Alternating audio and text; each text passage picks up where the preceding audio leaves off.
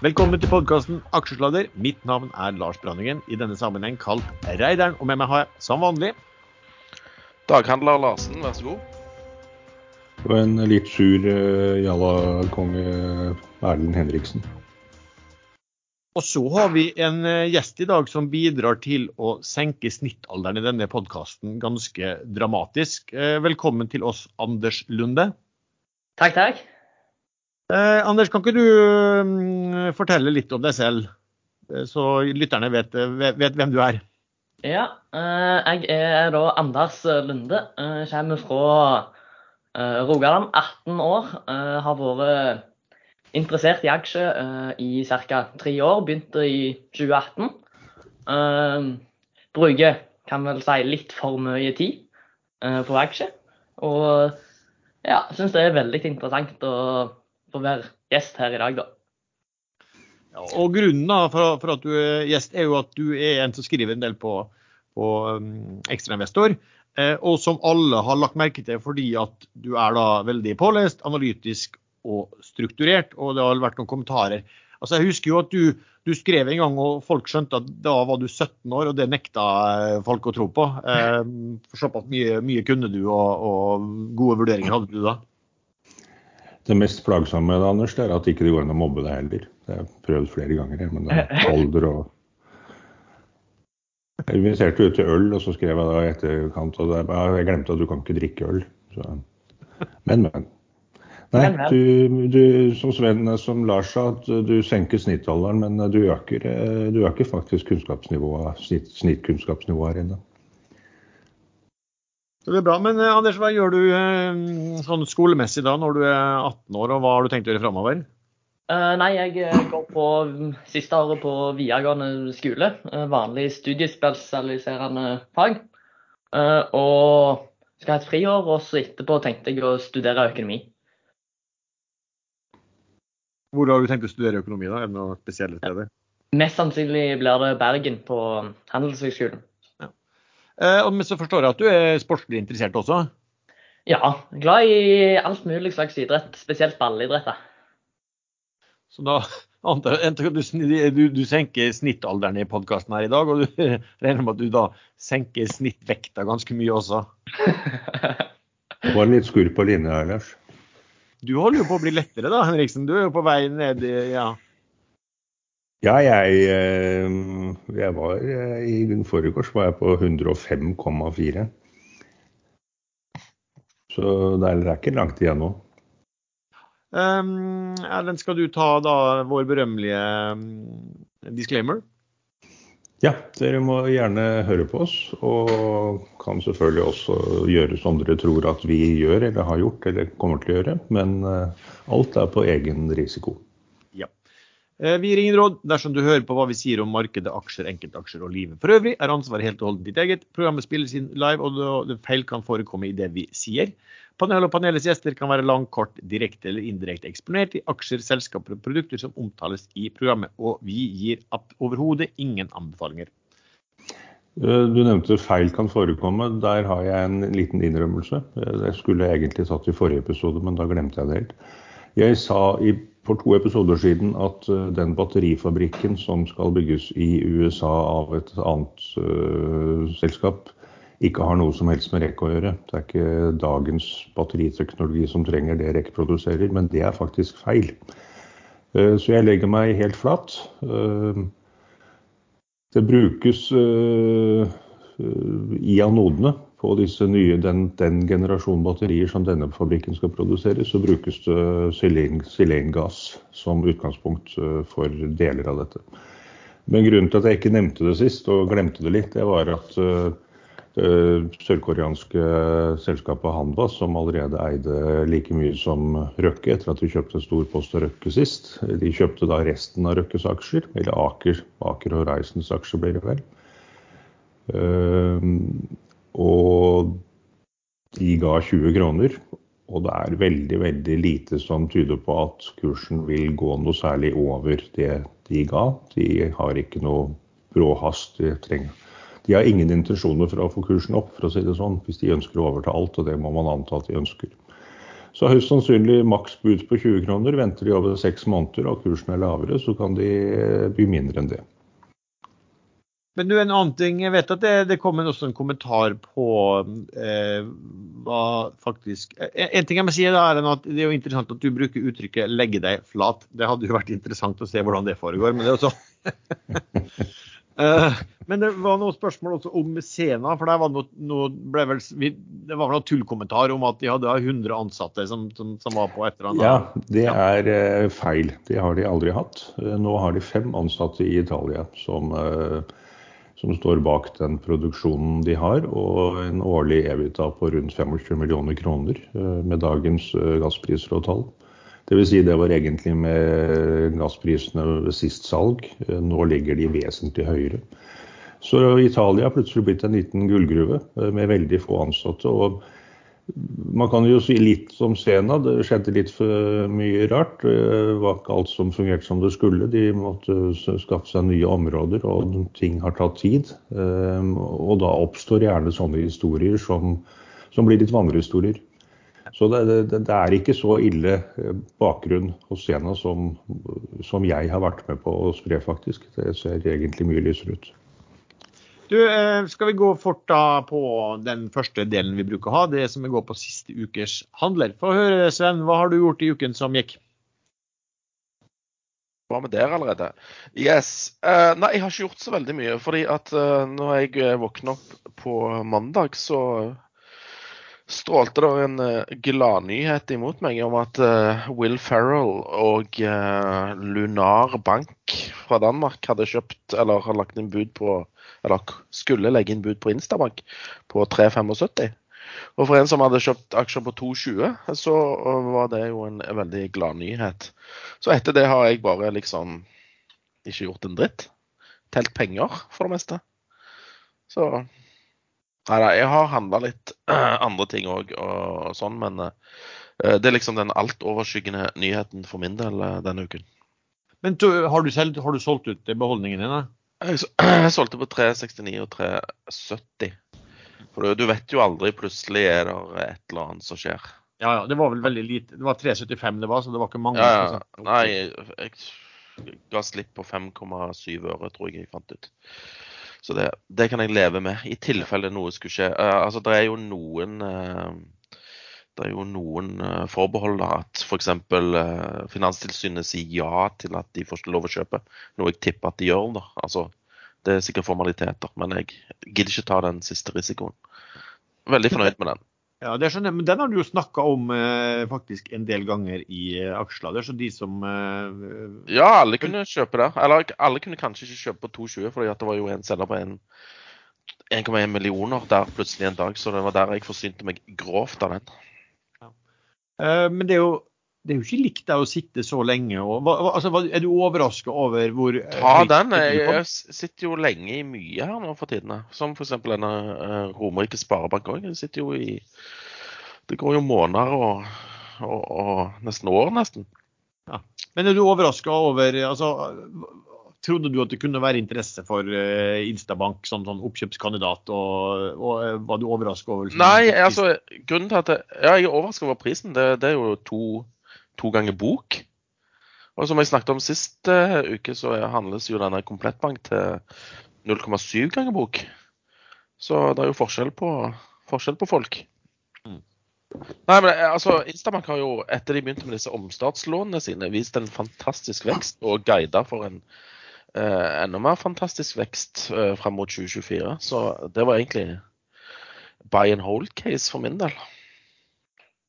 Og den ble veldig vellykka da. Men eh, noe spesielt annet du har gjort i markedet, eller? Uh, nei, ikke noe spesielt. Jeg har solgt mye, sånn som du uh, gjorde sist uke. Så nå har jeg veldig mye cash og veldig lite uh... Jo, forresten. Jeg kjøpte obligasjoner i Flowtel. De, de, kan jeg snakke om litt senere, fordi det er en veldig fin måte å eksponere seg mot dette her boligrigg-markedet. Veldig mye billigere enn å kjøpe Prosafe-aksjen. Mm. OK. Eh, Anders, få høre. Hva, har du fått gjort noe handler i uken som gikk, du? Eh, jeg har gjort litt handler, ja. Jeg har kjøpt eh, litt uh, Viking Supply på de nedgangene som av og til. Uh, solgt litt av Viking på de kraftige oppgangene. Uh, og så har jeg kjøpt litt Observe når han var ned helt mot seks blank. Og så kjøpte jeg òg litt grann Golden Energy, som jeg kan snakke litt seinere om. og så har jeg solgt litt, litt annet, litt smått for å ha litt cash til å trade litt mer. Jeg, hovedsakelig så driver jeg og har lengre posisjoner. Mm. Men du har treda litt i, eh, i supply-sektoren, sånn sett? Ja. ja. Erlend, hva har du gjort? Nei, eh, jeg har så mye annet på å si om dagen, så jeg følger med litt halvveis i chatten og litt halvveis i markedet. Men ellers så har jeg ikke gjort en eneste tren hele uka.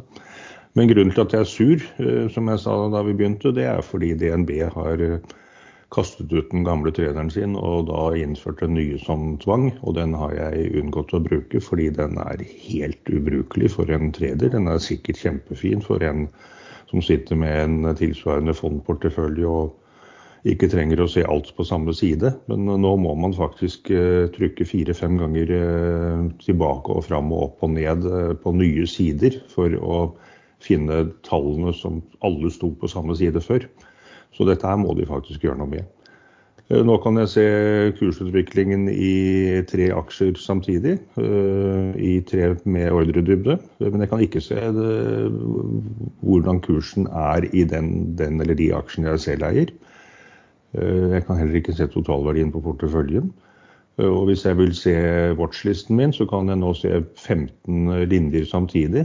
Før kunne jeg øke det feltet og se opp til i hvert fall 35-40.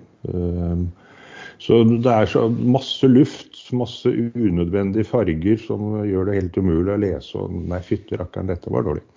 Så da er jeg sur. Men, men. Jeg skal ikke tappe noe penger på det. Men eh, en annen observasjon her. Eh, I går eh, så slet veldig mange i chatten med å finne hva som var riktig brent oljepris. Den hadde låst seg på 107,40 på TradingView og et par andre steder. Og på litt andre tall i andre tredere. Eh, er det noen som vet hva oljeprisen er nå? Brent? Jeg har ikke peiling, fordi at eh, jeg bruker den infront-traderen, jeg òg. Hva står det på der? 10.558,75. Akkurat samme som i TradingView. Så oljeprisen er opp 9731,24 i dag. Ja, det er ganske kraftig. Så jeg lurte på om eh, Jeg sto opp litt seint i dag, så jeg lurte på om eh, vi allerede hadde fått tredje verdenskrig eller noe. Ja, men så, Nå kan vi jo bare eh, kutte ut og jobbe alle mann. Nå kan vi innføre borgerlønn til alle sammen. Et par uker til med den eh, måleprisen. Så. tjener, vi tjener i snitt en årslønn per dag, liksom? ja? Men han står støkk på 10.558,75. Ja, men det kan godt bli. Det er helt greit. Det er sikkert sånn limit up eller noe. På investing.com så bruker de juni-futuren på 105,6. Ja, du skal, eh, det er dårlig gjort. Følg med på om den endrer seg. Det gjør han. Aha. Jeg jeg syns vi skal ha 10.558,75 som referansepris. OK. Eh, ja, for min del i uken Jeg har gjort nøyaktig sånn som eh, Anders i. Vi har fulgt hverandre godt da i den Viking Supply Ships. For den eh, fikk vel, jeg tror det var på mandag, da fikk den seg en god nedtur. Ned på lavt 70-tall som jeg kjøpte. Og så var det å vippe de ut igjen på oppimot 90 kroner. Og den var vel faktisk oppi 95-98 kroner også på det høyeste en av dagene, så den varierer jo veldig mye. Ehm, jeg har eh, kvittet meg med Jeg hadde en del aksjer i dette som heter Frøy, eh, som jeg har vippet ut. Ehm, og så har jeg da kjøpt eh, Q-Free. Jeg har kjøpt Noreco. Og jeg har kjøpt eh, en som Erlend snakket om også, REC. Sven, du bruker jo å følge med på det eh, kommet noen emisjoner eller nedsalg eller debutanter i løpet av uken som gikk? Uh, lite sånne uh, contemplated i løpet av uken. Men det var et uh, nedsalg i Rana, Rana Gruber i går i regi av Clarkson Plateau Securities. Eh, den ble gjort på 60 kroner, åpna på 60, ligger nå på 61,8, tror jeg det. Så Den burde jeg vært med på, men jeg ville egentlig kjøpe mellom 55 og 60, hadde jeg bestemt meg for. Men så lavt kom han ikke, så da ble jeg ikke med på den, dessverre. Uh, har det vært noe andre? Ja, uh, vi må si litt, for det har også fått spørsmål om Norway Royal Salmon. NRS ja, kom jo med meg. kjempeemisjon på 1,9 milliarder kroner. Uh, ble satt med 10% rabatt. Det er jo, det, dette er jo litt vilt, da, fordi at de er avhengig da at uh, denne emisjonen godkjennes i generalforsamling. Og største eier, 68% har jo da sagt at de eh, verken vil eller kan pga. verdipapirhandelsloven stemme for den emisjonen der. Verdipapirhandelsloven sier da at eh, hvis det foreligger et bud på selskapet ditt, eh, og, det, og, det, budet er inne i tilbudsperioden, så kan du ikke beslutte å gjøre emisjoner verken i eget selskap eller i eh, datterselskap. Og dette her er jo datterselskap som er da 68 eid. Eh, disse NTS som eier 68% og ikke ville ha dette gjort, de satte jo inn et eget styre, men glemte tydeligvis å sjekke helt hva, hva de mente om saker og ting. Eh, så det nye styret, som var fem stykker, de tre av de besluttet at to av de var inhabile og ikke fikk være med å bestemme. Og ergo så bestemte de seg for å gjøre denne emisjonen. Og, og emisjonen bare så det er forklart, den kommer fordi at NTS hadde, de hadde faktisk litt likvidproblemer i fjor høst og fant ut at da kunne du selge datterselskapet sitt som heter Salmonor, til Norway Royal Salmon. Eh, og det syns jo alle i Norway Royal Salmon da var en dårlig idé, og aksjekursen falt. Eh, men det har ikke blitt noe av da. Og så er det jo sånn at eh, alle lakseselskapene på børsen har jo steget ganske mye i en periode.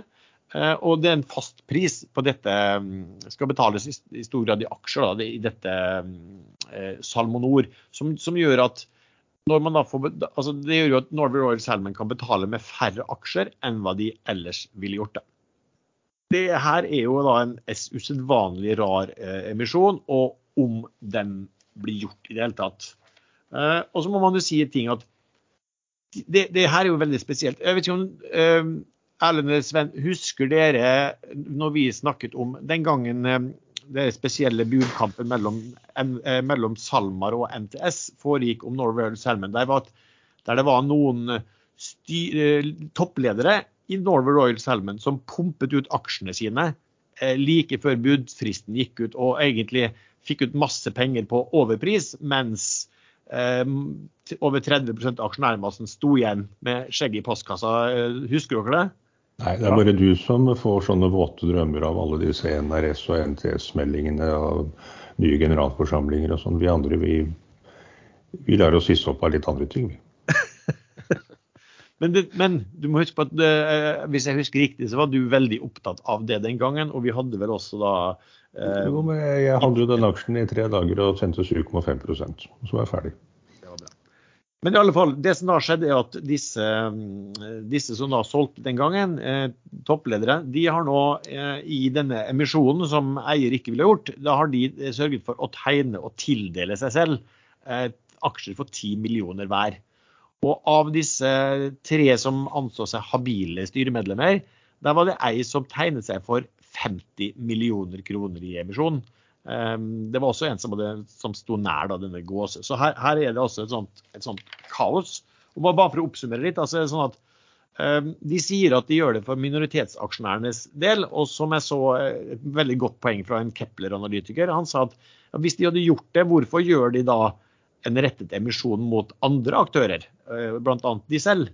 Hvis de gjør det for at det her skal gagne minoritetsaksjonærene godt. Så vi får vel se. da, Det her blir jo også ja, det, det, er så mye kaos at det, det er vanskelig å, eh, å, forklare dette. her. Men 7.4 så er det generalforsamling som skal beslutte om denne emisjonen eh, blir av eller ikke. Jeg er jo som kjent aksjer, så jeg kommer til å stemme eh, nei for den. Fordi jeg mener at det er et, et Jeg mistror vel egentlig eh, ledelsen og styremedlemmenes motivasjon for hvorfor dette her gjøres. da.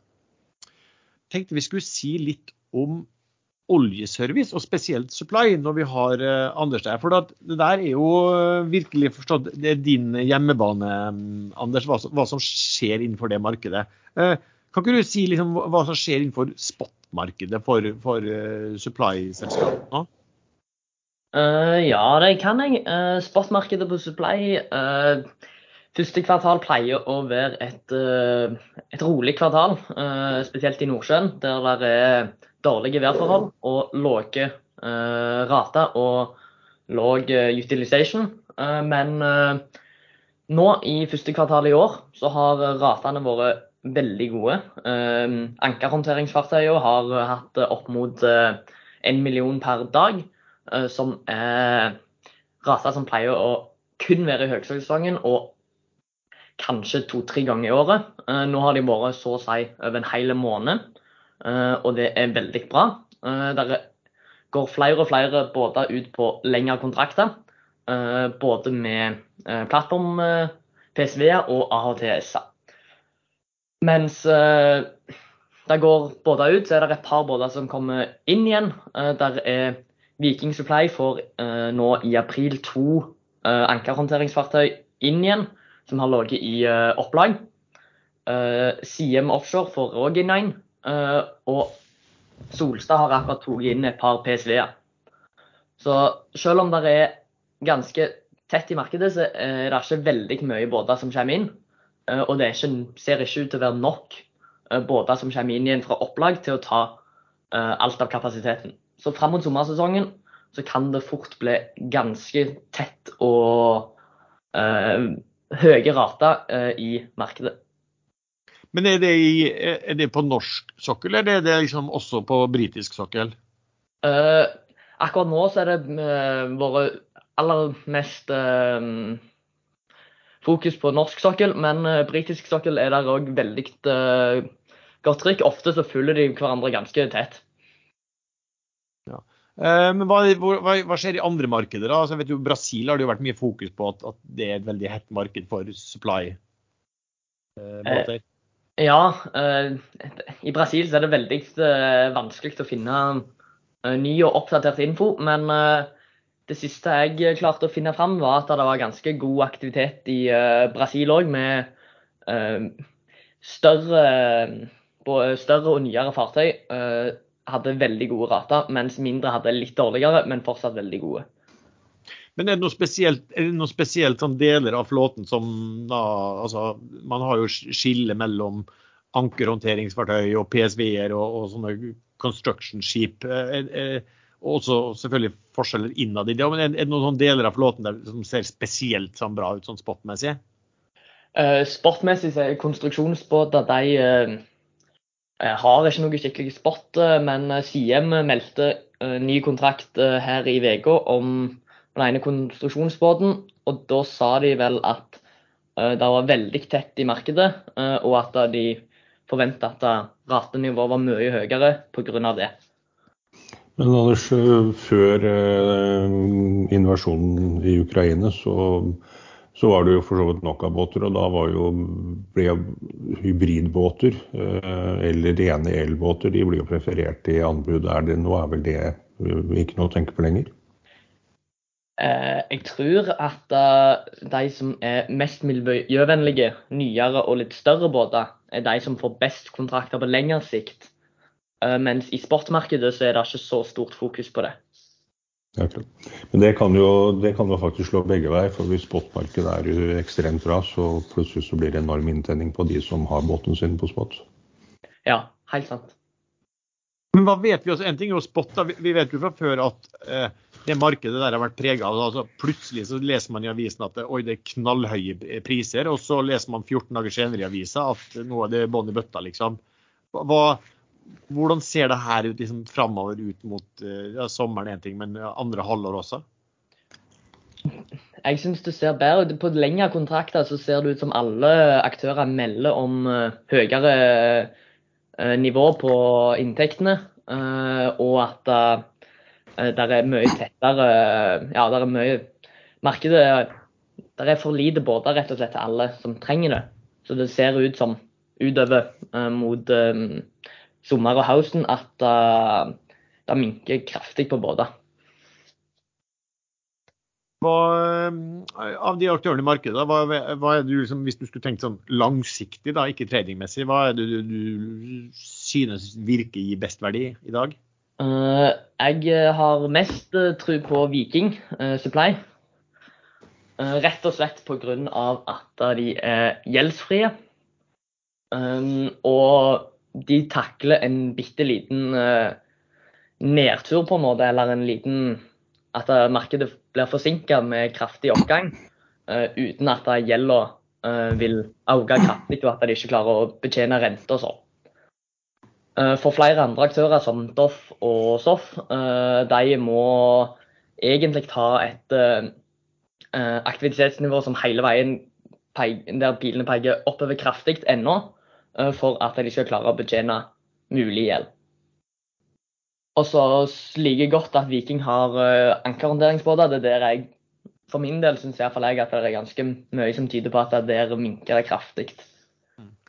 Men de, og det er fordi at de brukes til eh, altså, hjelp til riggarbeid eh, sånn er ikke det så? Jo, de tauer mye av riggene som skal ut og bore. Så høy riggaktivitet er liksom eh, det, det, det er bra for det segmentet mm, der også. Ja, det er bra for PSV òg. Der trenger de ca. to PSV-er per rigg. Så til flere rigger, til mer PSV òg trenger der. Men der er det litt mer ledig kapasitet òg i opplag. Doff har vi jo snakka mye om her. Eh, Nå kom det jo melding i- går om at de da har en ny måneds utsettelse med, med kreditorene. Eh, Det har du jo egentlig fått, og den, den utsettelsen har på en måte vart i, i flere år, egentlig. Eh, Hva, hva, hva tenker du liksom om mulighetene der? Av det jeg har sett på Doff, så har de hatt enormt mye høyere snittrate enn konkurrentene allerede i mange år. Eh, og selv om markedet bedrer seg og det som ser ut til å være gode rater, så ser det ut som at Doff allerede har klart å oppnå de gode ratene før. Så jeg er litt usikker på om de klarer å få nytte av den oppgangen som alle andre klarer å få. Og, og Solstad, med, hva, hva tenker du? De er jo høy, høy mm, belåning, men eh, der er det jo en rask forbedring også i resultatene. Ja, Hvis eh, markedet utvikler seg veldig godt, sånn som det ser ut nå, så vil Solstad kunne eh, gjøre det veldig, veldig godt. De har ligget De ligget egentlig eh, nederst av alle med tanke på uh, snittinntektene på hvert segment i flåten. Men det på oversikten av båter så ser det ikke ut som det er så stor forskjell i forhold til andre rederi. Er det noen andre ting innenfor eh, oljeservice som du ser noe spesielt på? da? Uh, jeg har eh, litt tro på seismikk fremover. men der er det litt vanskelig å se godt, for er, de fleste aktører der er ganske, har ganske mye gjeld eh, og ikke så god inntjening. Og ikke så tydelig at den kommer til å forbedre seg. Dette er en melding fra vår hovedsponsor Skilling, som er en skandinavisk eid CFD-megler. Skilling tilbyr kurtasjefri og lynrask handel i norske og globale aksjer, indekser og ETF-er, også bitcoin-ETF, olje og gass og masse andre råvarer, valuta og mer enn 50 forskjellige kryptovaluta. Skilling har en rekke forskjellige handelsplattformer og trading-apper. Skilling-trader, Metatrader og C-trader. Snart vil du også kunne handle med TradingView sin plattform via Skilling. Du åpner konto med bank-ID, og du kan da handle på alle plattformene fra samme konto. Alt kan handles med eller uten giring, long eller short, til meget lave kostnader. Råvarer som er veldig aktuelle for tiden, kan stort sett alle trades hos Skilling. Olje gass, gull og sølv, til og med uranium kan du nå kjøpe og selge hos Skilling. Med bare en halv dollar i spredd på bitcoin er Skilling sannsynligvis også den desidert billigste kryptomegleren på markedet. Videre kan du trade i stadig flere norske og globale aksjer og indekser. Som sagt, kurtasjefri handel i nærmest alt av finansielle instrumenter til veldig konkurransedyktige priser. Skilling av kundeservice på norsk og industriens laveste kostnader på kryptohandel. Sjekk ut skilling.no om du ikke allerede har gjort det, og åpne Skilling-konto med bank-ID. Risikoadvarsel. 66% av ikke-profesjonelle kunder taper. Fullstendig advarsel finnes på skilling.no, og kryptotrading er ikke tillatt for britiske kunder. Og Lenken til Skilling finner du i beskrivelsen til denne episoden. Det har jo vært transaksjoner, store transaksjoner i løpet av uh, uken som da er foreslått, og som, kommer til å gå gjennom. Det er jo da uh, tre selskap. altså Aker Horizons har jo da meldt at de vil uh, kjøpe opp Aker Clean Energy, og de vil også kjøpe opp Aker Offshore Wind. Sven, har du sett noe på, på, hva som ligger bak de transaksjonene, og hva liksom betingelsene er? Nei, det har jeg for så vidt ikke. Men jeg, har, eh, jeg registrerer bare at eh, OK, vi har fucka opp. Eh, vi må prøve å kamuflere dette på best mulig måte, eh, og så bli kvitt problemet. Så at han da innlemmer offshore vind og, og denne her eh, andre, det, det, er jo et eh, Ja. Det er jo et grep for å, å, å fjerne kosmetikken, føler jeg når jeg så det, så tenkte jeg på Er det ikke sånn at sånne fondsforvaltere, hvis de har eh, gode fond og dårlige fond, så sørger de for å, å bli kvitte seg, og få bort disse dårlige fondene, så alt skal se ut som det skal se ut som de bare har gjort det bra? Eh, får du ikke en litt sånn følelse av når de tar inn eh, clean hydrogen og, og offshore vind inn i Aker Horizons? Jo, det er jo akkurat det, den følelsen jeg får. og, og, og men altså, de var jo kjempeflinke når de eh, gjorde disse IPO-ene og, og, klarte å prise selskapene så høyt som markedet var villig til å betale for dem. Så eh, fantastisk bra jobb der. Men eh, ja. Minner litt om denne Aker Biomarine som vi snakket om sist gang. At det får ikke helt til med det der greiene der. Sånn at ja, nei, de innser vel nå at disse aldri vil komme seg opp uten massiv uh, utvanning uh, framover. Så da er det bedre å bare innlemme de og, slippe at de går mot uh, 99% nedgang. Men det var vel en del, Markedet endret seg vel også ganske kraftig ved at det ble veldig mange aktører, som, særlig Aker Offshore Vind, som begynte å by på disse lisensene, og prisene gikk veldig høyt. Så om det var mulig for dem å se før de kjørte en IPO på, IPO på det selskapet, det, det vet jeg ikke. Men, men, det er jo sånn proffe Eh, aktører skal regne seg fram til. Ja, og det, det har vi jo snakka om her også, at de, de, hadde vel egentlig ikke så mye uten, utenom cash og et håp om å få lisenser. da. Eh, men så har jo den her Aker Clean Hydrogen var vel kanskje den som har vært en del kritisert. Jeg husker ikke hva, men om, om den ble prisa til De, de henta vel inn 8 milliarder ble den prisa til før, før, uh, før cash. Før, før emisjon? Ja, og jeg husker jeg gikk ut på Twitter og sa Eh, åtte milliarder for hva, liksom? Ja. Men hva ble den nå kjøpt tilbake for, eller blir? Ja, det er vel drøye tre, da. Tre-fire. Altså, de har vel cash på rundt tre milliarder, eh, sånn sett, så det er ikke så veldig mye en, en, en cash. Så de åtte milliardene er forsvunnet, da? Ja, de var, de, var, de var, der på mange måter aldri. Det, altså, det, det, har jo vært en del kritikk, da, og nå etter at den, den kom, så skrev han Jensen, da, som liker å være litt spydig i Dagens Næringsliv, han eh, han sa, mente at eh, investorene kjøpte en haug med pene, pene PowerPoint-plansjer og lite annet, men til, og til en meget stiv pris. Det er vel det du har sagt også, Sven, en del ganger. Men på chatten har jeg fått med at det er eh, ganske mange som har tjent gode penger på kursoppgangen i begge de to selskapene uh, like etter IPO-en. De gikk jo Sky her begge to.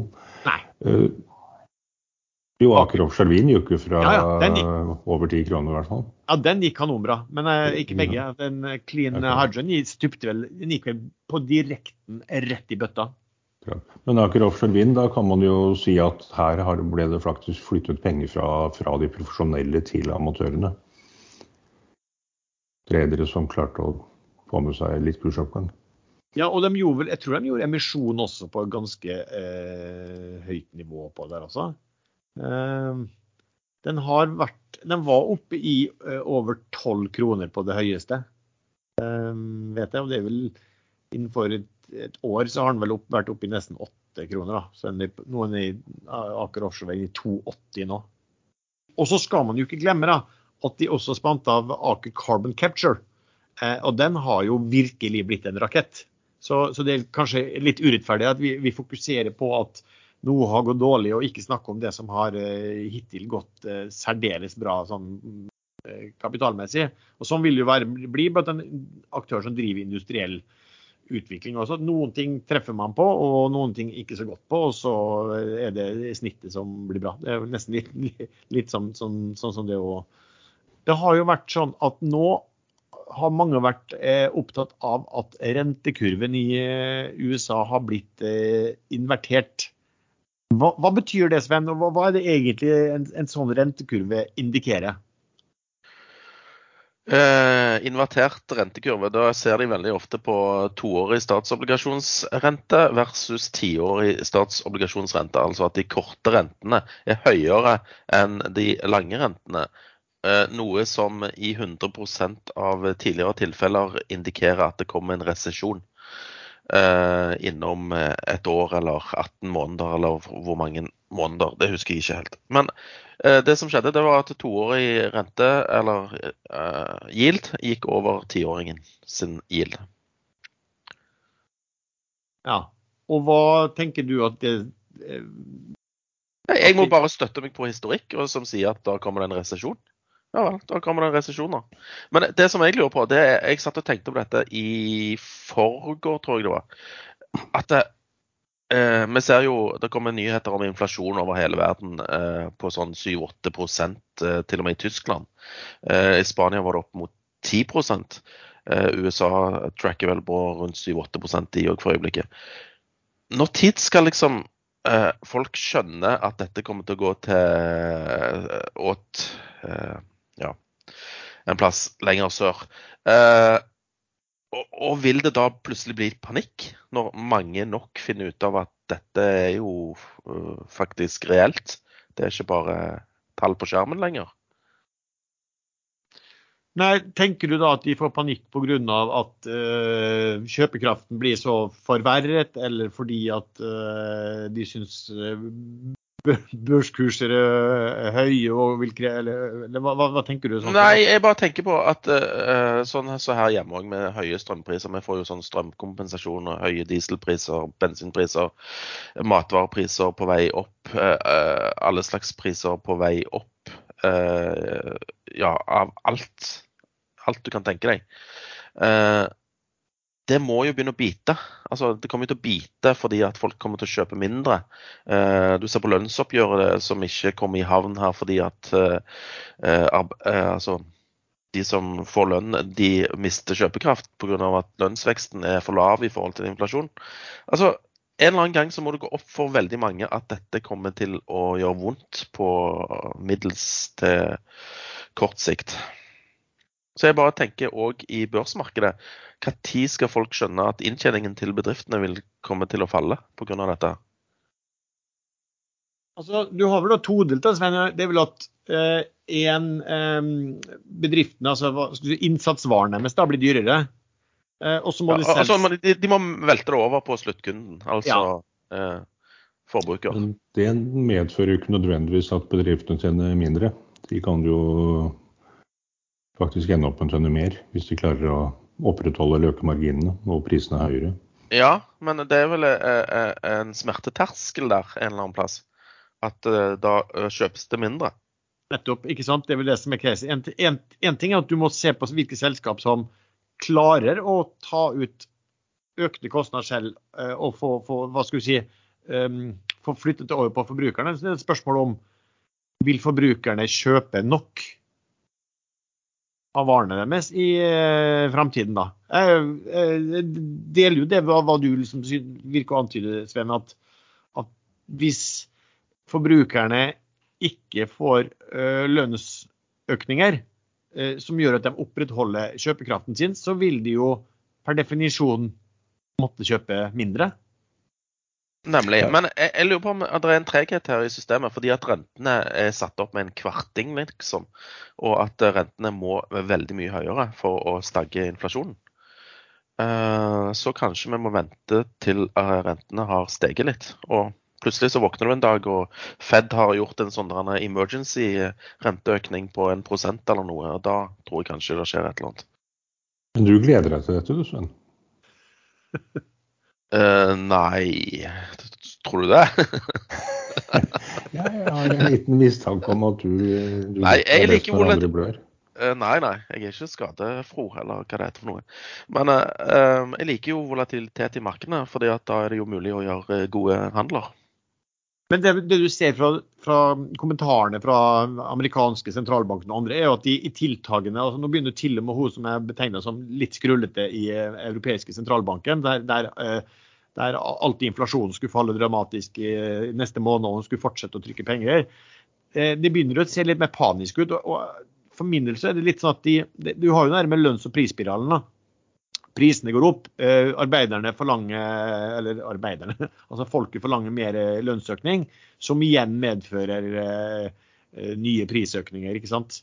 Eh, så man kommer inn i en spiral der. og Det, det er jo det, kanskje det man er litt, litt redd for. da, altså Hvordan kommer du deg ut av det når, når du har altså, så dramatisk eh, negativ realrente som du aldri før har hatt?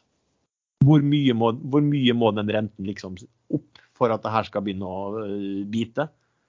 For det kan jo virke sånn, altså, det er jo litt sånn at du ikke får produsert nok av en del varer på, av, av ulike årsaker også, og da må du vel kanskje prøve å få redusert eh, etterspørselen av den et, i en periode, i hvert fall, til man liksom klarer å komme til et uh, midtpunkt igjen.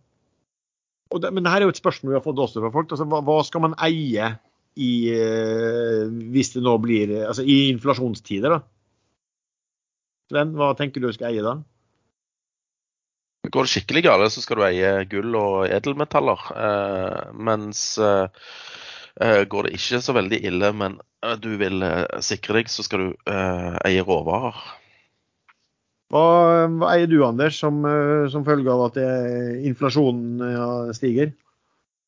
Jeg har en del uh, råvareaksjer. Jeg har ikke tenkt så veldig mye over det, altså. Nei, men det er jo at den går. De, de, de går, har jo gått opp uh, akkurat som følge av det også. Um, Men det, det, det, det høres ut som Anders kommer fra en plass ned, litt sør for meg, uh, ut på Jæren en plass. Så du har, vel, du har vel kanskje en liten jordlapp med ting som du er selvforsynt med? Eller uh, kommer du ikke fra gard? Nei, jeg kommer ikke fra gard, nei. Oh, Nei, okay. Det er solsikker man skal dyrke nå. Det er jo, der er jo Ukraina en av de store produsentene. Litt av problemet med solsikker på Jæren er at det blåser en del, så jeg tipper de hadde knukket ganske greit. Du ødela hele forretningsplanen min. eh, Bare Nei, men du, du, du er jo, ligger jo i le, gjør du ikke det? ute på, på- Østlandet, der, på Ullern, Ullernåsen. Jo, jo, Så du kan vel kanskje få til noe eh, dyrking i bakgården. vi klarer det. Nei, men det, blir vel litt det samme her også, på hva man, hva man eier. Det er vel at eh, akkurat nå sitter jeg og eier ganske en, en god del i, eh, i olje og oljerelatert. Eh, fordi at ja, det er jo de som i hvert fall nå drar nytte av det. Men det er jo også sånn at usikkerheten min altså, blir, blir, blir jo stor så at jeg ville ha eh, kanskje mye cash, og i hvert fall hvis jeg bruker de, gå inn i de som er ganske så likvide, sånn at man fort kan komme seg ut igjen.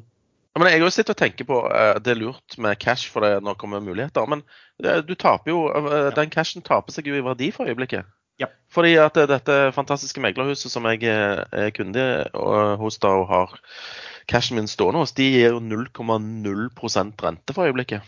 Ja, så, så, så det du egentlig kan si, er at hvis du går i cash, så er du en sikker taper i inflasjonstider. Ja.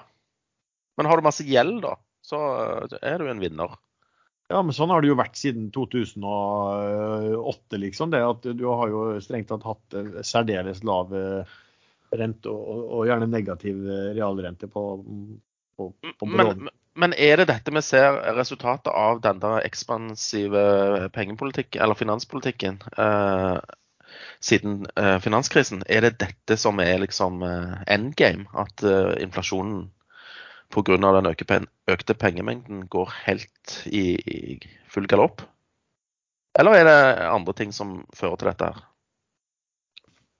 Covid må jo, må jo fortsatt sies å ha spilt en stor rolle her, da. Og man har jo holdt på mye, men det er klart at man har jo trykka jo enormt med penger og sendte til befolkningen eh, under covid, der man ikke, befolkningen ikke kunne bruke penger, de pengene på hva skal si, type reiser og tjenester som de hadde brukt før, og så brukte de det heller kanskje på, på på varer også. Så får du i tillegg Ukraina-krisen, ikke sant. Bare i Norge på det verste så var det 400 000 som enten var arbeidsløse eller permittert eh, under koronanedstengning. Eh, akkurat nå, i disse dager, så, så kommer den største Eller så mister det største antallet nordmenn noensinne arbeidsløshetstrygd eh, samtidig. Over 20 000. Og de må da Noen kan forlenge visse løsninger, men de fleste må over på sosialen. Så det, covid har fremdeles ringvirkninger, og det kommer sånne rykk og napp, litt større, litt større hendelser enn man har vært vant til tidligere. Så uten covid så ville dette eksperimentet til sentralbankene gått uh, veldig fint likevel? Det vet Nei. man jo aldri. Og uten krigen i Ukraina, hva, hva hadde da skjedd? Det kan godt være at ting hadde rundet hjørnet, som, eh, som man kaller det.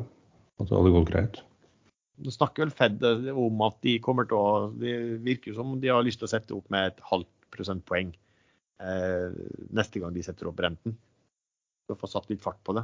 Eh, det jo Jo, men eh, eh, det var vel eh, enighet om at i juni blir det en halv prosent, eh, et halvt prosentpoeng. Men nå begynner det å snakkes om at allerede i mai eh, har de lyst til å sette opp med et halvt prosentpoeng. Ja, og det viser jo bare alvorlig, hvor, hvor alvorlig det egentlig synes det. da. For at det, det, det kan man si om disse sentralbankene. og det, altså, det er jo faktisk talt full av shit. Eh, man, man sitter jo og ser på hva de hører og, og nikker og smiler og alt det, men de er jo ekstremt opptatt av å, si, å styre eh, markedet og atferden til befolkningen også, eh, ved, via sine uttalelser. Så det er ikke nødvendigvis det at de sier at det er sant. Eh, De eh, sier vel da det de vil at du skal tro er sant. For å ikke skape panikk og, og, og, og at folk handler på visse måter som de ikke ønsker. En som skriver at noen ganger så legger han inn eh, salgsordre for f.eks. 10 000 aksjer på 0,99. Det ligger, eh, der ligger det allerede en salgsordre på 1. Det han da ofte opplever, er at ordren som ligger på 1, automatisk hopper ned og plasserer seg på 0,98. Og slik fortsetter det eh, eh, nedover, og det kan virke som det er lagt en automatikk på at de skal ha den billigste. Han skjønner som han skriver at vi gjerne kan svare at det er roboter, men om man kan gi litt mer informasjon hvordan det fungerer. Eh, om det er da ansatte som har i storbanken som har systemer til å få det fungere som legger det inn, eller, eller kan man som privat investor enkelt legge inn eh, sånn automatikk, og hvilke systemer brukes i tilfelle da? Det er noe for deg, Sven. Det er jo ikke et nytt fenomen, for å si det sånn. Eh, Dette har vel eh, pågått eh, jeg vet ikke ti år cirka. Altså, det er jo bare en eh, type marketmaker-algo som da skal ligge best bid, best ask hele tiden. Og da tjene penger på spredden. Altså, for det, da, eh, algoen vil jo alltid få handlene. Enten på bid eller på, på, på ask. Og tjener da på forskjell mellom eh, kjøper og selger. Så det er bare en automatisert uh, algo som er en sånn type market maker. Altså, uh, an, og hva er det, det er et uttrykk jeg eh, leter etter nå. Uh, type scalping eh, algo. Men hvis den ligger sånn, vil den da alltid gå under deg? Hvis du legger deg opp som en menyordre da, som lavest, vil den, den alltid eh, gå lavere, Nei. eller begrense? Ja. Han er begrensa ned til eh, Han har et forhåndsdefinert eh, minimumsspread-nivå som han ikke går under. Altså, uh, han er programmert til å si at spredden f.eks. skal være fire punkter. Uh, så går han jo ikke ned til tre, fordi han eh, i regelen hans heter det at uh, minimum fire eh, punkter spredd. Ja. Så da må du sjøl eh, gå ned eh, til et spreddnivå som er lavere enn det som den eh, algoen er altså programmert til. Og hvis du da, men hvis du legger inn en ordre eh, på samme nivå, Så er du jo bak eh, algoen i køen. Så det kan algoen leve med. Den eneste måten du kommer foran algoen da, er hvis det er et annet Hvis en eh, Si du skal selge, da. Hvis en kjøper kommer fra samme meglerhus som du er, da går du faktisk foran algoen. Hvis da den algoen ikke er fra samme meglerhus som du. da matches du først, ikke sant? Riktig. Eh, men det er et spørsmål om det samme også. Hvordan kan man spotte at det er en robot som legger inn ordre? Det går veldig mye fortere enn du klarer å knotte sjøl, liksom. Så hvis du legger inn ordre, så pang, er det noen som ligger foran deg i køen, så kan du vel gå ut fra at enten er det Supermann, eller så er det en uh, algoritme. Men man ser jo også at det legges inn da, altså du kan legge inn kjøp eller salg, og så er det motsatt side som også endrer seg. da, Og, det er jo da algoritmen som gjør en eller annen form for spread-vurdering da også, eller så? Uh, ja. Men det er jo nå skal jeg ikke si at folk skal leke eh, for mye i ordreboken, for det kan få uante konsekvenser. Og, og, folk på døra, for å si det sånn. Uh, men uh, prøv å feile litt, og, og, se hvordan de oppfører seg. De blitt Men da, blir, da, er du i hvert fall sikker. Hvis du leker litt så mye og Økokrim ringer på døren, eller banker seg gjennom døren, da, da vet du at det var en algo. Da har du fått svar. Ja, men det kan ta litt tid, da. For det er sånn saksbehandling og alt det der. Så jeg vet ikke om du har så god tid på å finne ut om det var en algo eller ikke. Annet spørsmål er, ehm, Erlend, er jo Du har snakket litt om eh, at du hadde lyst inn i Desert Control en del ganger. Hva, hvordan ligger det an? Er det noe nytt som har skjedd der? Ja, jeg eh, beskrev selskapet ganske godt og mulighetene framover. Men jeg sa også at eh, jeg ikke tror det er noe sånn veldig hast med å kjøpe. Det kommer til å ta tid. Da var kursen på rundt 22 kroner, nå er den på rundt 32 kroner. Så det kan man vel kalle en av årets tabber. 50 opp eh, på et par-tre uker. Eh, de var på CNN faktisk i går. Eh, det er det ikke mange norske selskap som har vært, som har fått viet en hel liten avdeling til seg selv med intervju og det er vel bare Freyr, batterifabrikken til han Gjelsten, tror jeg, som tidligere har vært på CNN. Så det, det, det, er, det er, store ting på gang der. Det er et enormt marked. Ja, men jeg, jeg, leste noe om jeg, jeg, husker ikke om det var inn på ekstrainvestorgruppen eller om det var på Hegnar eller et eller annet. Husker ikke. Det var eh, at eh, det er rike arabere som benytter seg av denne her greia for å lage golfbaner nede i ørkenen der. Ja, der har de visstnok klart allerede å få seg noen kunder, og det er jo bra at man eh, jo, jo, liksom men dette skulle... Man server de rikeste kundene først, og så har man penger til å gjøre resten. Ja, ja. Det er fint det, men jeg trodde dette skulle brukes til matauk, mateauk, liksom. I grisgrendte strøk. Ja, det skal men nå går det til golfbaner for de sikkert sånne eksklusive golfklubber nede i uh, Arabia der. Man tager det man har når man har et produkt å selge og det må testes ut for disse andre kundene som skal lage mat. Du kan ikke risikere at maten man produserer eh, drar med seg noe opp i røttene. Men eh, ja, jeg har fremdeles, jeg tror, tror, ikke det er noe feil å ta på den kursen her heller. Eh, hvis alt slår til som man kan håpe på, så går det Nei, hvis det, hvis det virker, så er det jo, da er det jo en stil her nede. Du spruter noe på den væsken de har på ørkensand, og etter seks-syv timer så kan du begynne å dyrke. Det er jo helt mirakuløst. Men eh, det patentet de har, det går ut syn i 2027. Det er jo ikke så lenge til. Eh, men der har jeg hatt noen diskusjoner med selskap før, hvor de da lager en form for ringpatentering. At de lager nye patenter rundt utgangspunktet, som gjør at det blir veldig vanskelig for konkurrenter å, å gå inn og bruke samme teknologi. Eh, det vet jeg ikke om disse gjør, men det vil jeg tro at de har gode rådgivere på. Annet spørsmål er Sven, du er sikkert god til å svare på det. Bidrar tradere med noe til samfunnet? Eh, ikke dårlige tradere. De bidrar eh, på en måte indirekte ved at de taper penger til, eh, til andre tradere som tjener penger. Og eh, tradere som tjener penger, de må betale noe som heter skatt. Så hvis du bare hadde ligget på sofaen og ikke gjort en dritt, så hadde du ikke betalt så mye skatt. Men er du en trader og tjener penger, så bidrar du med å betale skatt. Ja, Men, eh, men er det noen andre ja. Sånn samfunnsmessige uh, Nei, det tror jeg ikke. jeg vil fra, fraråde alle for, for, å bli trader. Hvis man er konsekvent på å bruke traderuniform, så bidrar man til å ikke kjøpe så mye klær som andre gjør. Ja, det er veldig, ja, du mener med, med miljøbevisst?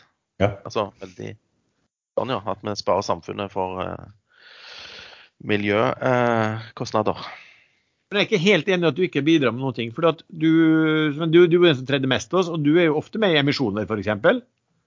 Eh, og emisjoner, selv om du skal tjene penger, så er jo det et selskap som eh, henter penger for å kunne gjøre gjerne en eller annen satsing eller utvide selskapet sitt, eh, investere mer. Det er først og fremst det jeg tenker når jeg tegner meg emisjoner. Ja, altså, Én ting er hva du, hva du tenker, hva, hva, du er opptatt av, at du kunne, kunne ikke bry deg mindre. Men du, altså, ved å bidra med penger inn i markedet, så bidrar du jo til at selskapene får tilgang til investeringskapitaler. Og en annen viktig ting, vi bidrar med likviditet i det daglige aksjeomsetningsbildet eh, i tillegg. ikke sant? Eh, uten tradere så har det vært mindre likviditet i markedet. Og, og vanskeligere å hente penger for selskap. Ja. Så vi, vi får ufortjent uh, lite uh, skrøyt for det vi egentlig bidrar med. Her har jeg et selskap, et spørsmål som var litt, jeg følte var litt tvilsomt. Det er liksom Eh, hva er Henriksens aktiviteter på en fredags aften, om man kan gi, gi noen tips slash innspill? Så kan jeg nevne at det kommer fra en mannlig skribent, da. Ja, nei, det er uh, Det er jo alltid en del man ikke kan tipse om sånn offentlig. Uh, da kan man jo både risikere å bli arrestert og andre ting. Men uh, Nei, jeg tror jeg avstår fra, fra å svare på det spørsmålet. Men jeg treder ikke i USA, så jeg, jeg, slipper i hvert fall å sitte og følge med på trederen til langt utpå etter after overtrading, som veldig mange andre tredere gjør. Det er nettopp derfor jeg ikke treder i USA. Anders, du som, har, du som er ung, eh, Treide du liksom mye i, i Oslo? Trader du også i USA? Nei, det blir hovedsakelig på Oslo Børs, ja. Men av og til litt i USA. Alt etter hva jeg har tid til. Men, men eh, når du treide altså jeg vet at du, du liker jo å sette deg ordentlig inn i selskap fundamentalt og regne på dem. Eh, men treide du av og til noen ting som du ikke har noen formening om hva verdien bør være i det hele tatt? Eller bruker du alltid å, å sette godt på selskapet først?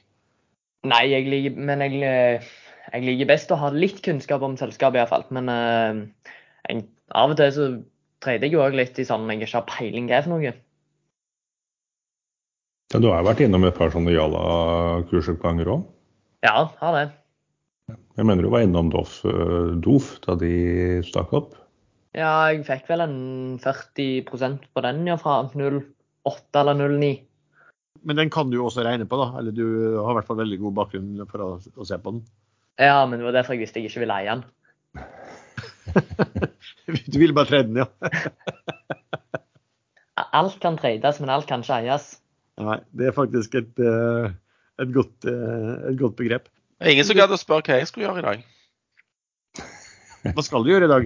Jeg skal uh, ut med pokergjengen og spille poker, uh, drikke øl og spise hamburger.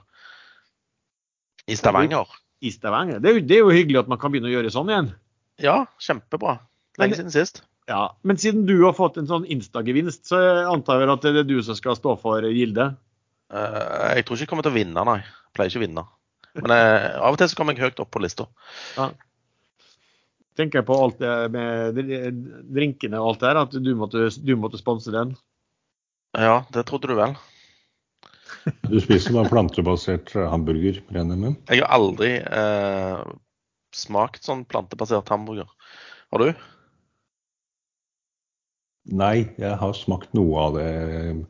Jo, jeg har vel spist en eh, sånn én gang. Ehm, jeg eh, har ikke noe stor tro på det der. Man bruker enorme arealer på å dyrke planter og nei, og masse nei, men det, det kan godt være litt salat eller agurk, altså sylteagurk og tomater på. Det går helt fint.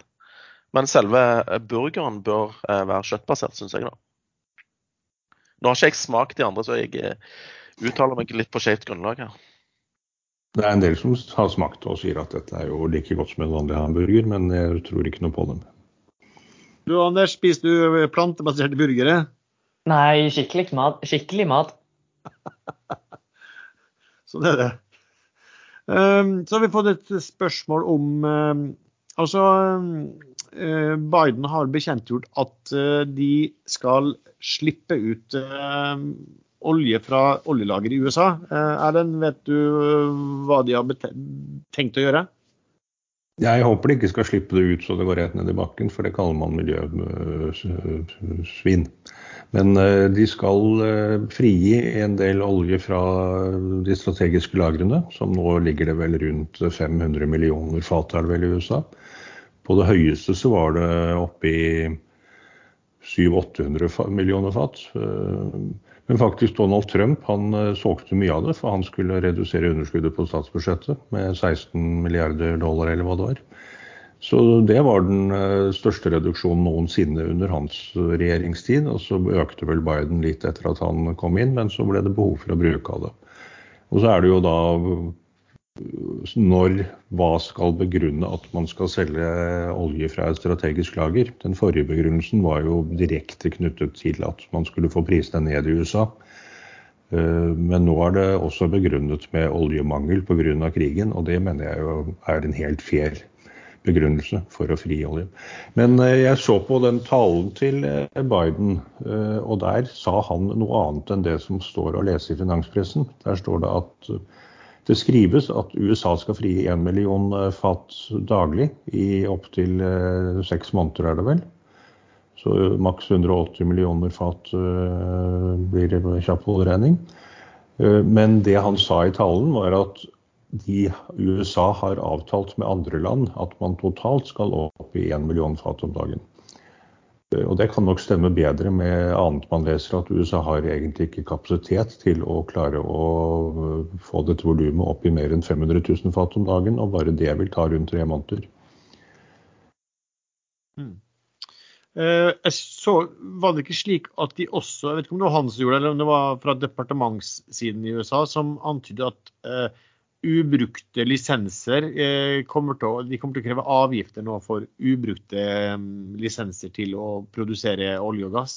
Ja, der var han knallhard i den talen. Han eh, brukte direkte uttrykket 'use it or lose it'.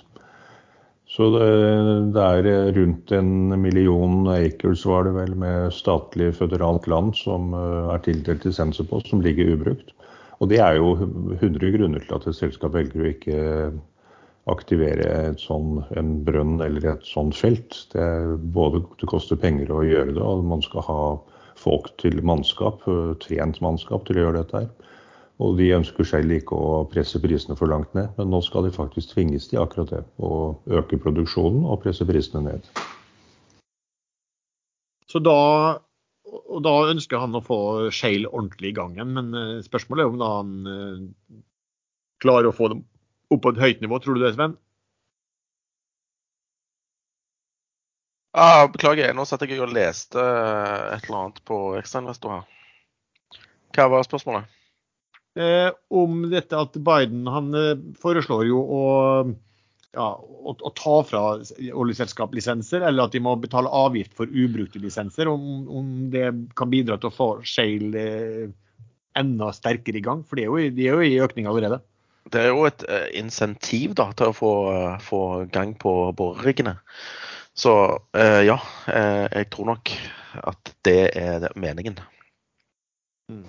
Men det som kommer i tillegg i USAs olje er jo ikke egnet for raffineriene, så de trenger å blande det inn med da, enten brent eller andre sorter, eller også fra Venezuela. Så der har de også satt i gang nå å Chevron fikk vel nå tillatelse av USA til å, om, uh, se bort fra sanksjonene. Er ikke den uh, shale-oljen veldig, veldig, tynn? Den er veldig tynn, ja. ja. Så den trenger litt sånn tjukk asfaltolje fra Vennesla? Ja, Vennesla, ja. Ja, så det, det, skjer ting. Putin uh, oppnår en god del med krigen sin, men i hovedsakelig oppnår han akkurat det han ikke ønsket. Som er? Det ene var jo selvfølgelig Nato-troppekonsentrasjoner nær grensen mot Russland. Eh, I går fikk Danmark eh, forespørsel fra Nato om å sende en hel bataljon til Latvia. 800 mennesker. 800. 800. Ja. Så det, og masse våpen. Det har jo aldri vært, vært så mye våpen langs yttergrensen yttergrensene til Russland og på andre siden av Ukraina. Det andre er jo at øh, Vesten kjører øh, renewable-politikken mye hardere. Nå skal vi skifte mye raskere enn før invasjonen. Dette er jo ikke gjort i morgen, selvfølgelig, men det kanaliseres veldig mye penger og statlig støtte og rabatter og subsidier den, den retningen nå.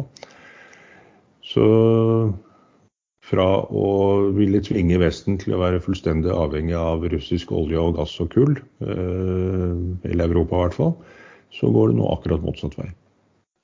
Nå ser jo at Han hevder at for at Vesten skal få kjøpe, eller Europa skal få kjøpe eh, gass av de, så må de betale direkte i rubler. Hva, hva er liksom, er det noen som har skjønt hvorfor de vil ha gjort det?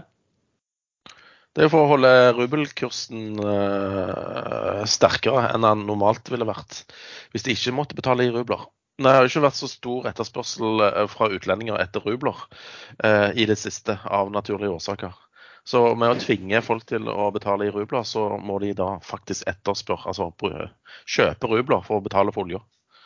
Men det siste nå kom nå i dag, så jeg på ekstrainvestor. Frankrike og Tyskland har sagt blankt nei. Eh, og Putin sier blankt nei til å endre på det vedtaket, men han sier at få, han kommer ikke til å stoppe gasstilførselen til Europa. Eh, det som allerede går i disse rørene. Eh, men de kan få utsatt betaling. Så Vesten kommer til å, eller Europa kommer til å få fremdeles den gassen, og slipper å betale rubler nå. Og senere vil de heller ikke gjøre det. Men det tror han at de kommer til.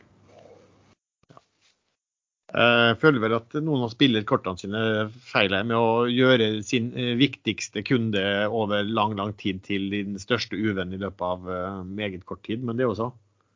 Ja, så er det denne Nord Stream 2 som er faktisk helt ferdig. Den mangler bare eh, papirgodkjennelse i Tyskland, som da har nektet. Den kan jo nå brukes som et forhandlingskort mot Russland når, når denne krigen forhåpentligvis en gang er ferdig på en fornuftig måte.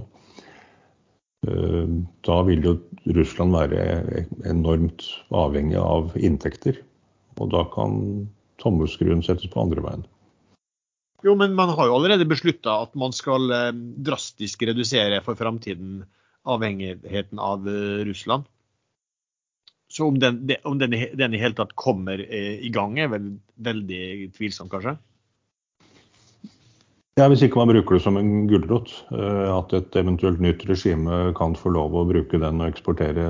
Det er jo ikke, det er ikke så mange eksporthavner av eh, eksportmuligheter for Russland av denne gassen sin. Eh, så de har rørledning gjennom Ukraina, noen av de Kasakhstan er det vel, og litt i Kina. Men at den rørledningen er viktig for dem, så de skal slippe å måtte stenge ned gassfeltene sine, som det tar, vil ta lang tid å åpne igjen og koste mye penger. Så den kan absolutt brukes som eh, utpressing fra Vesten.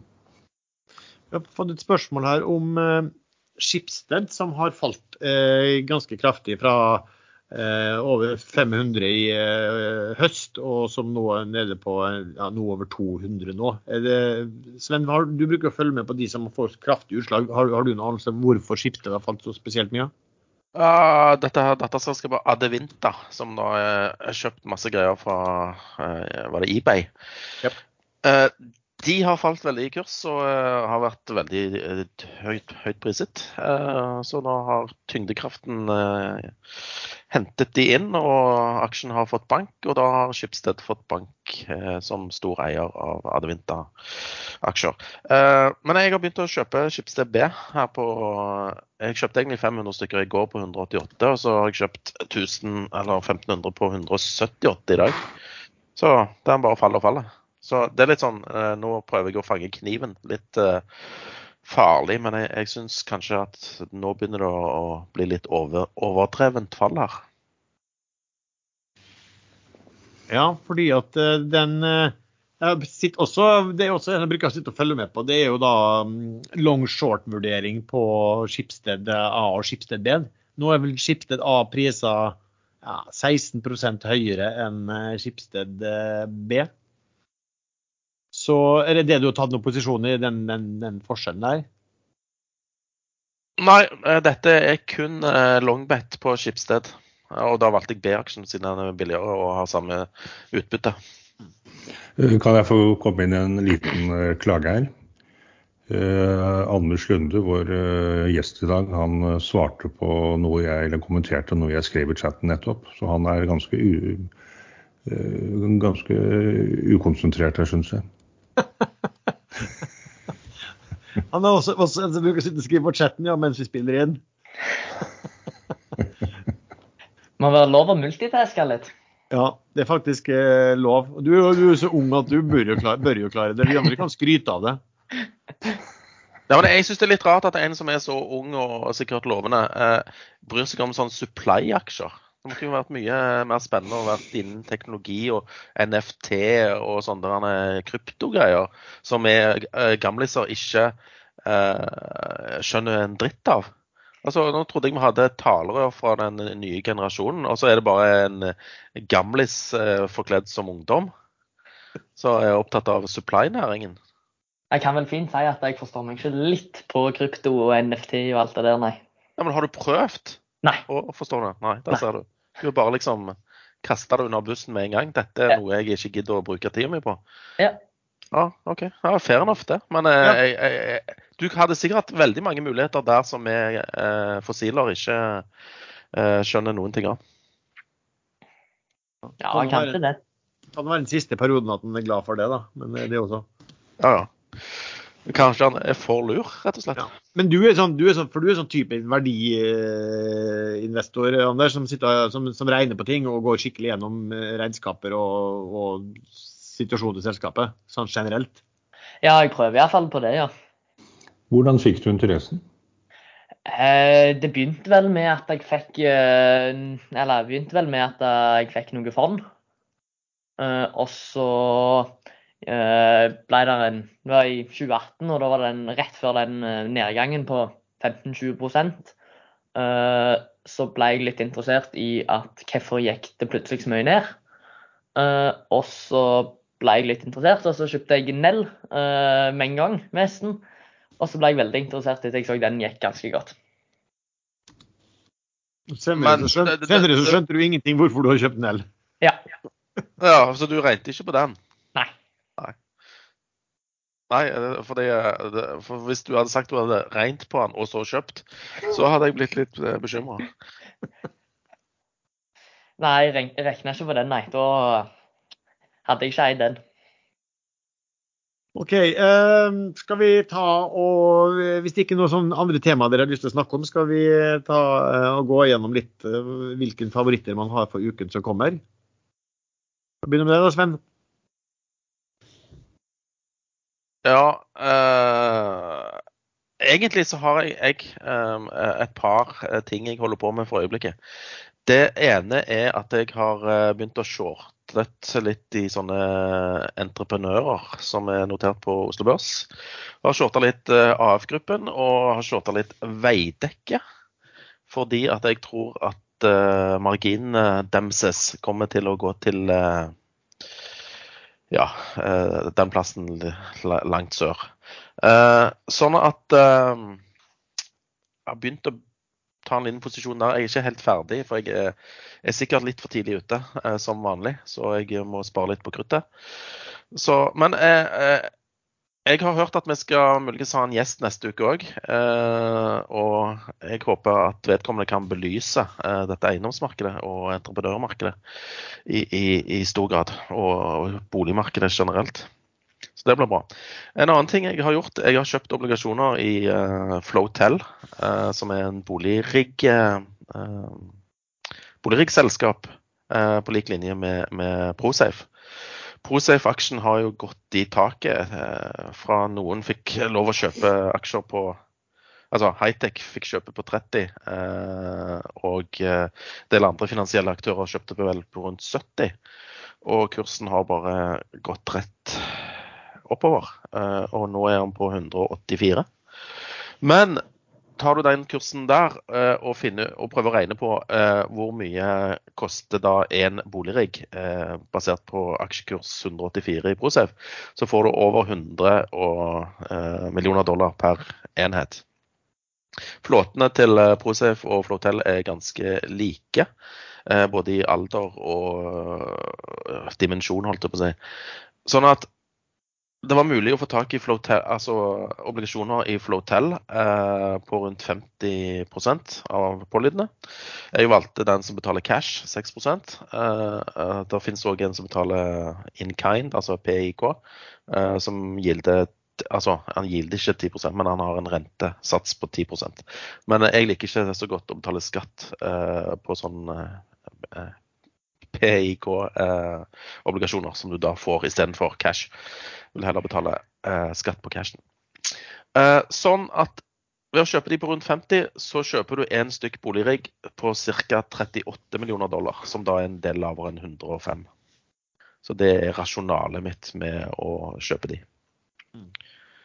Eh, dette er ikke for amatører, fordi at eh, obligasjoner, eh, og spesielt de som ikke handler rundt 100% det sier seg jo sjøl at det er en viss kredittrisiko her. Så jeg anbefaler folk ikke å kjøpe dette hvis de ikke vet hva de holder på med.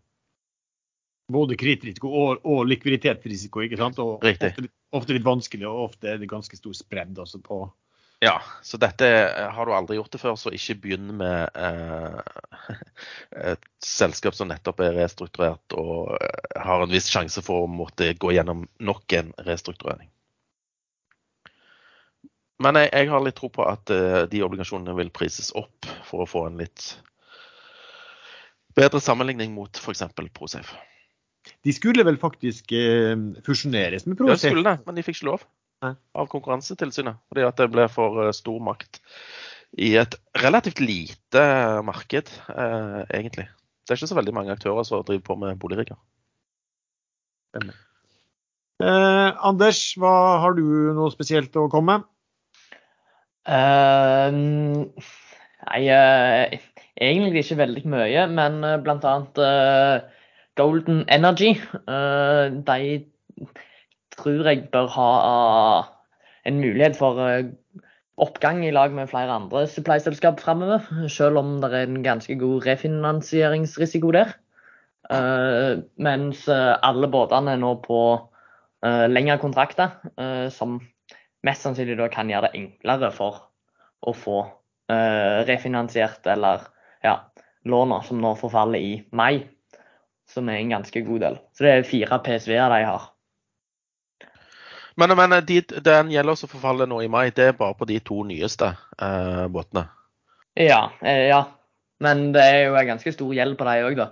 Ja, det er jo den som, det er jo de som har den største gjelden. Ja. Og det er jo banker som sitter med denne gjelden.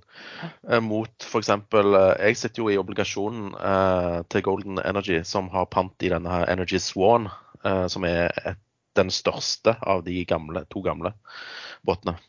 Så det, det, det, er gjelden på Men tror du det er noen risiko for at de ikke får refinansiert den, eh, den gjelden nå i mai?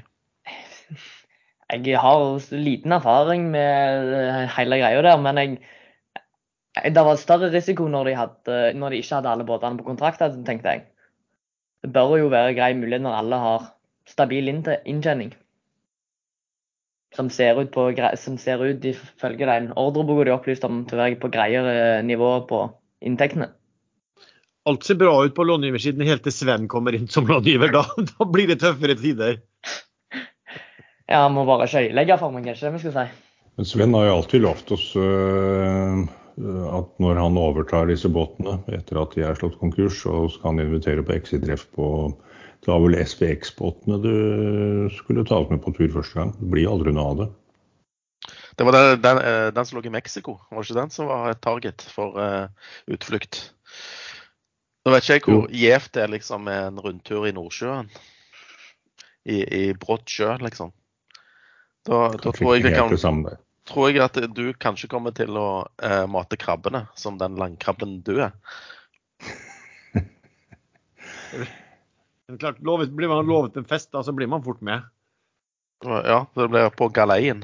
Jeg vet at du har uh, sett mye på Observe Medical også, Anders? Uh, ja, jeg har sett en god del på den. Uh, jeg tenker jo at han har falt ganske kraftig etter en litt brutal emisjon for eksisterende aksjonærer. Og det bør begynne å komme snart litt ordre inn til Observe på de produktene sine som bør kunne gi en oppgang i aksjekursen. Så spørsmålet om det er hvor lang tid det tar. For eh, de har allerede brukt veldig mange år på å prøve å rulle ut produktene uten å få det skikkelig godt til.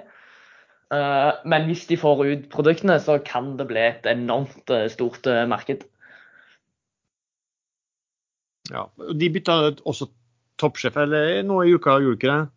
Jo, de bytta toppsjef til han som var toppsjef i det Beam, som de kjøpte opp. Har du sett noe på aksjer? Var der, der, var det jo slik at det var jo garantister der på, på emisjonen på sju kroner som fikk veldig mye aksjer i fanget, hvis jeg ikke husker helt feil. Ja. Hva, har de solgt seg ut eller hvordan, eh, i stor grad, eller hvordan, hvordan, hvordan ser det ut på aksjonærlisten? Uh, mange av de som var garantister, det var jo bl.a. Uh, Inger Reiten, som allerede var en stor aksjonær, som nå har ca. 30 uh, og de har ikke solgt noe. Eh, de har eh, styremedlemmer òg. Ehm, men eh, mange av de som var garantister, var egentlig eksisterende aksjonærer. Men et par av de mindre garantistene har solgt seg ut. er det noen andre Anders, som du har noe spesielt fokus på? nå så jeg gjennom her i dag Viking Supply sin årsrapport, der det sto at de to siste at ankerhåndteringsfartøyet skulle nå aktiveres i april. Eh, og det har jeg ikke sett før, de har bare snakket om sommeren. Eh, og det tenkte jeg da at med nivået som er i dag, så bør det kunne være en trigger hvis de kommer nå ut i midten av april ca. Mm. Erlend, har du noe spesielt for uken som kommer? Uh, ja, jeg kommer nok til å være veldig avventende helt til man ser uh, hva som skjer videre i Ukraina. Nå har jo Russland trukket seg delvis ut rundt og nord, og, eller områdene rundt Kiev.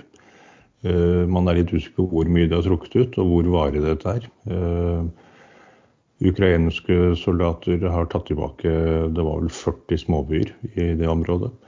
Men eh, det er absolutt ingenting som tyder på at eh, Russland eh, verken er i ferd med å gi seg eller er interessert i en fredsavtale. Dette ser ut som omgrupperinger og etterfylling av utstyr og drivstoff og nye soldater. Det kan være at de, de russerne setter i gang en bred aksjon i Øst-Ukraina, som de har sagt de skal gjøre. Men det Russland sier de skal gjøre, det stemmer veldig sjelden med kartet etterpå. Ting kan snu seg veldig fort, og øh, det kan ditto medføre at oljeprisen kan gå veldig høyt plutselig, eller falle veldig mye plutselig, avhengig av utviklingen. Så jeg er veldig forsiktig.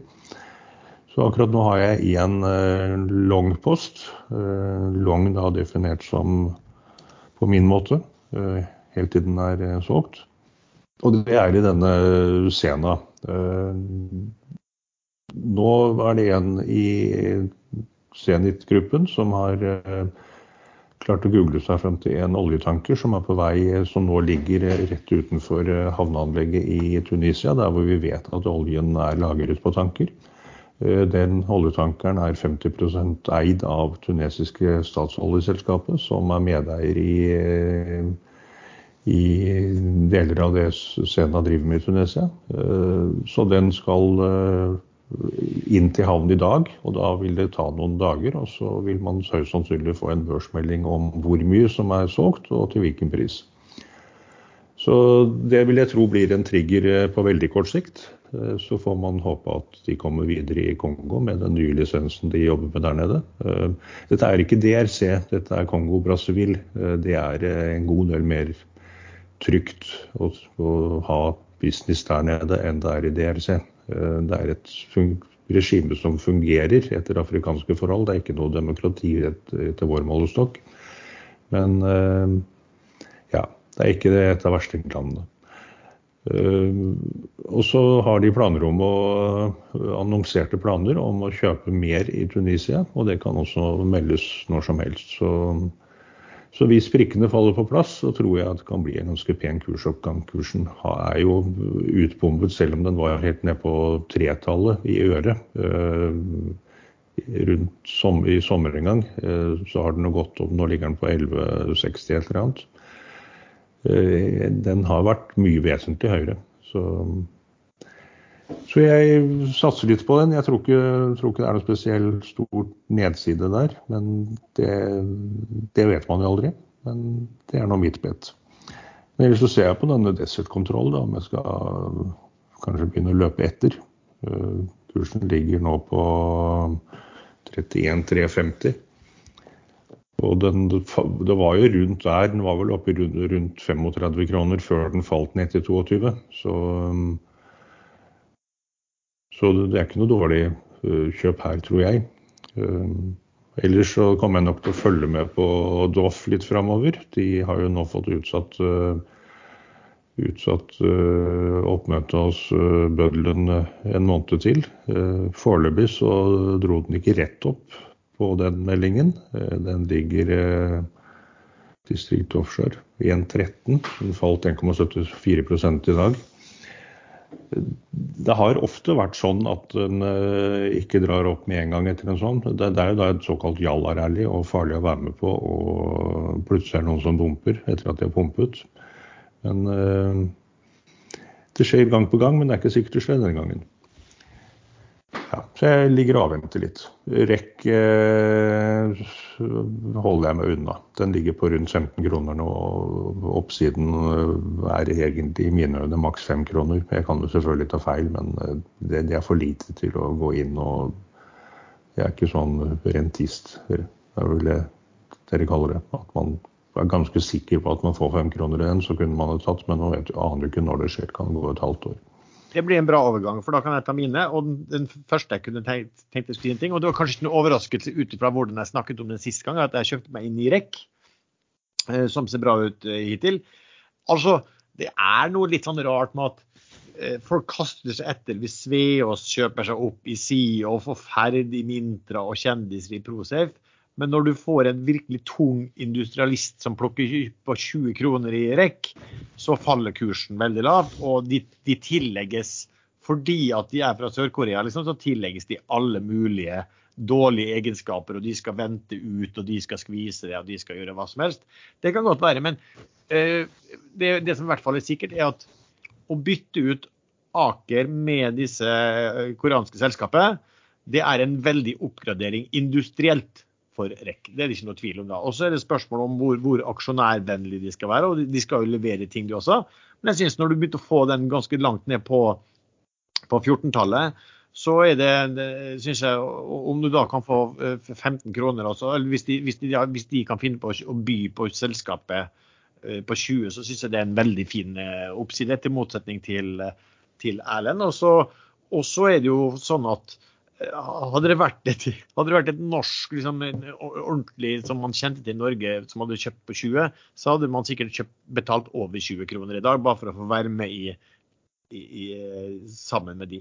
Så, men samtidig så kan jeg jo rekke såpass dårlig at uh, det å få liksom uh, 30% rabatt i forhold til uh, hva han var kjøpt seg opp nå til 33% på, det, det ser bra ut. men jeg orker ikke å sitte i tap på den, så hvis den går litt feil vei, så kommer jeg til å vippe den ut.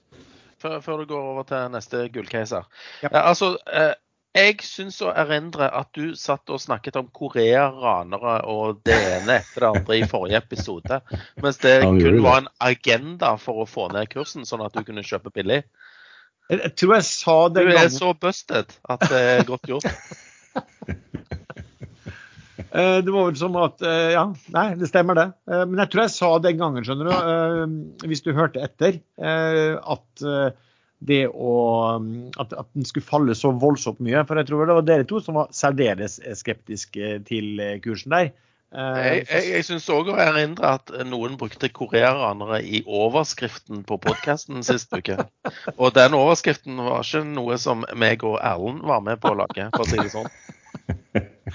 Nei, det var koreaner. Det var, var, var, det ikke koreaner det sto?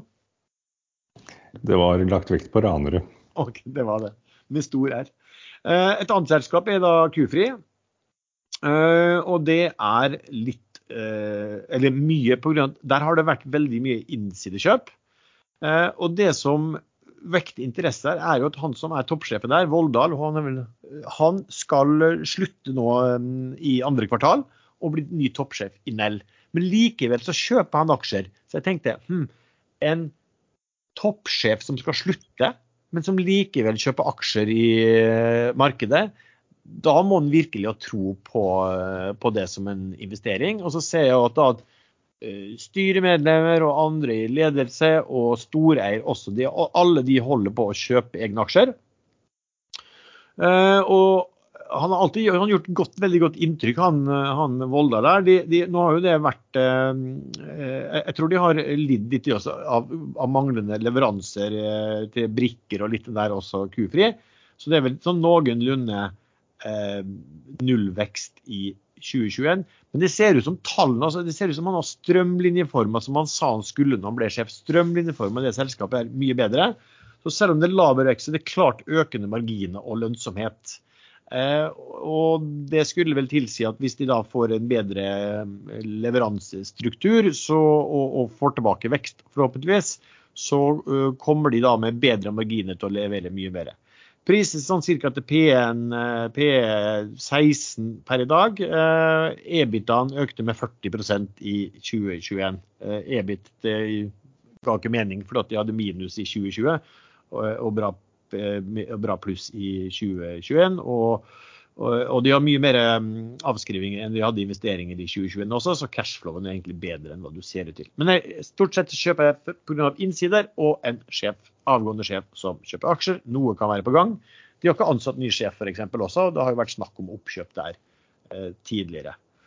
Så det er vel de to. Eh, og så følger jeg godt med på denne Hyon, som var litt sånn skrekkslagen og ble en dårlig spin-off fra Saga. Der har kursen kommet seg tilbake nå over, eh, over emisjonskursen.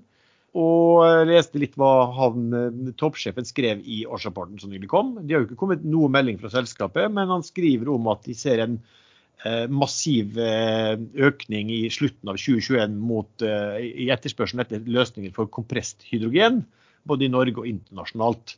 Og han skrev også at eh, hydrogenmarkedet nå karakteriseres av konsortier. Og at eh, det er viktig for Hyon nå, det de holder på med, er å posisjonere Hyon som del av ulike konstellasjoner. Eh, så jeg håper jo at kanskje at det er veldig liten interesse for det selskapet. Jeg håper kanskje at de kan komme med et eller annet i noen konstellasjoner og noen nyheter og noen analyser som gjør at uh, den kursen får en god utvikling. Jeg har ingen anelse hva det der bør være verdt, så sånn er det. Jeg bare okay, legge, eh, legge, legge, til en liten ting her. så Jeg har jo drevet og lest litt på Twitter mens dere har babla i vei her. Eh, også han Aslak Berge, han som står bak dette ilax.no, dette nettstedet som uh, driver og skriver om laksenæringen. Han sjekker jo alltid priser rundt omkring fra produsenter på fredager. Uh, og så Han skriver da i en twittermelding løypemelding fra dagens første intervju for prissaken for laks. Prisen blir jævla høy i neste uke. Så tydelig at eh, lakseprisen er på vei opp. Ja, nei, laks eh, er som jeg skrev i chatten, det er jo matsikkerhet. Det, det påvirker jo ja, kanskje fôrprisene. Det er, er, det en av grunnene til at prisene også går opp? At fôrprisene stiger kraftig? Og så er jo transportkostnadene også opp. Men, eh, men nå hittil i hvert fall i mye mindre grad enn prisøkningen. Da. Ja, Fôrprisene stiger jo delvis pga. transportkostnadene. Men eh, de må få den laksen eh, over fra soyaolje til, eh, til tang- og tareolje. Det må da være mulig å lage. Og det har vi kortreist mer enn nok av. Jeg syns de burde lære opp laksen til å svømme til kunden, liksom. Det kan vel ikke være så vanskelig? Dronelaks omtrent? ja, altså du skal til Japan, kjør. Ja, nei, De har jo trent opp delfiner til å svømme mot fiendtlige båtskip med bombebelte. Så det burde ja. gå, det. Anders, hvordan har det vært å være med i eh, podkasten? Var du imponert over vår eh, struktur i forkant? um, ja, jeg vet ikke helt om jeg var imponert over strukturen. Eller manglende struktur. Nei, det har vært gildt, det. Ja. Bra. Du, du, vi, vi, sa jo på forhånd til deg at vi skulle, vi skulle, ikke være veldig slemme med deg, helt til Sven kom på og fortalte at det, det kunne han bare avkrefte med en gang. at han, Men du slapp å sluppe billig unna, merker jeg. Ja, ha det. Det har i hvert fall vært hyggelig å ha deg med også. Hyggelig som å få inn et ungt, sånn stort talent som vi tror vi kommer til å høre ganske mye fra i årene som kommer i kapitalmarkedet. Med det så er denne episoden ferdig. Takker så mye til deg som har lyttet på episoden. Eh, du treffer alle oss fire stadig vekk chattene inne på eh, Ekstrainvestor. Eh, vi har også egen gruppe på Facebook som heter podkasten Aksjeladder. Musikken er som vanlig laget av ekstrainvestormedlem sjazz.com, og vi høres. Skulle ikke du være på skolen nå, egentlig? Jeg har fri, jeg. Ja.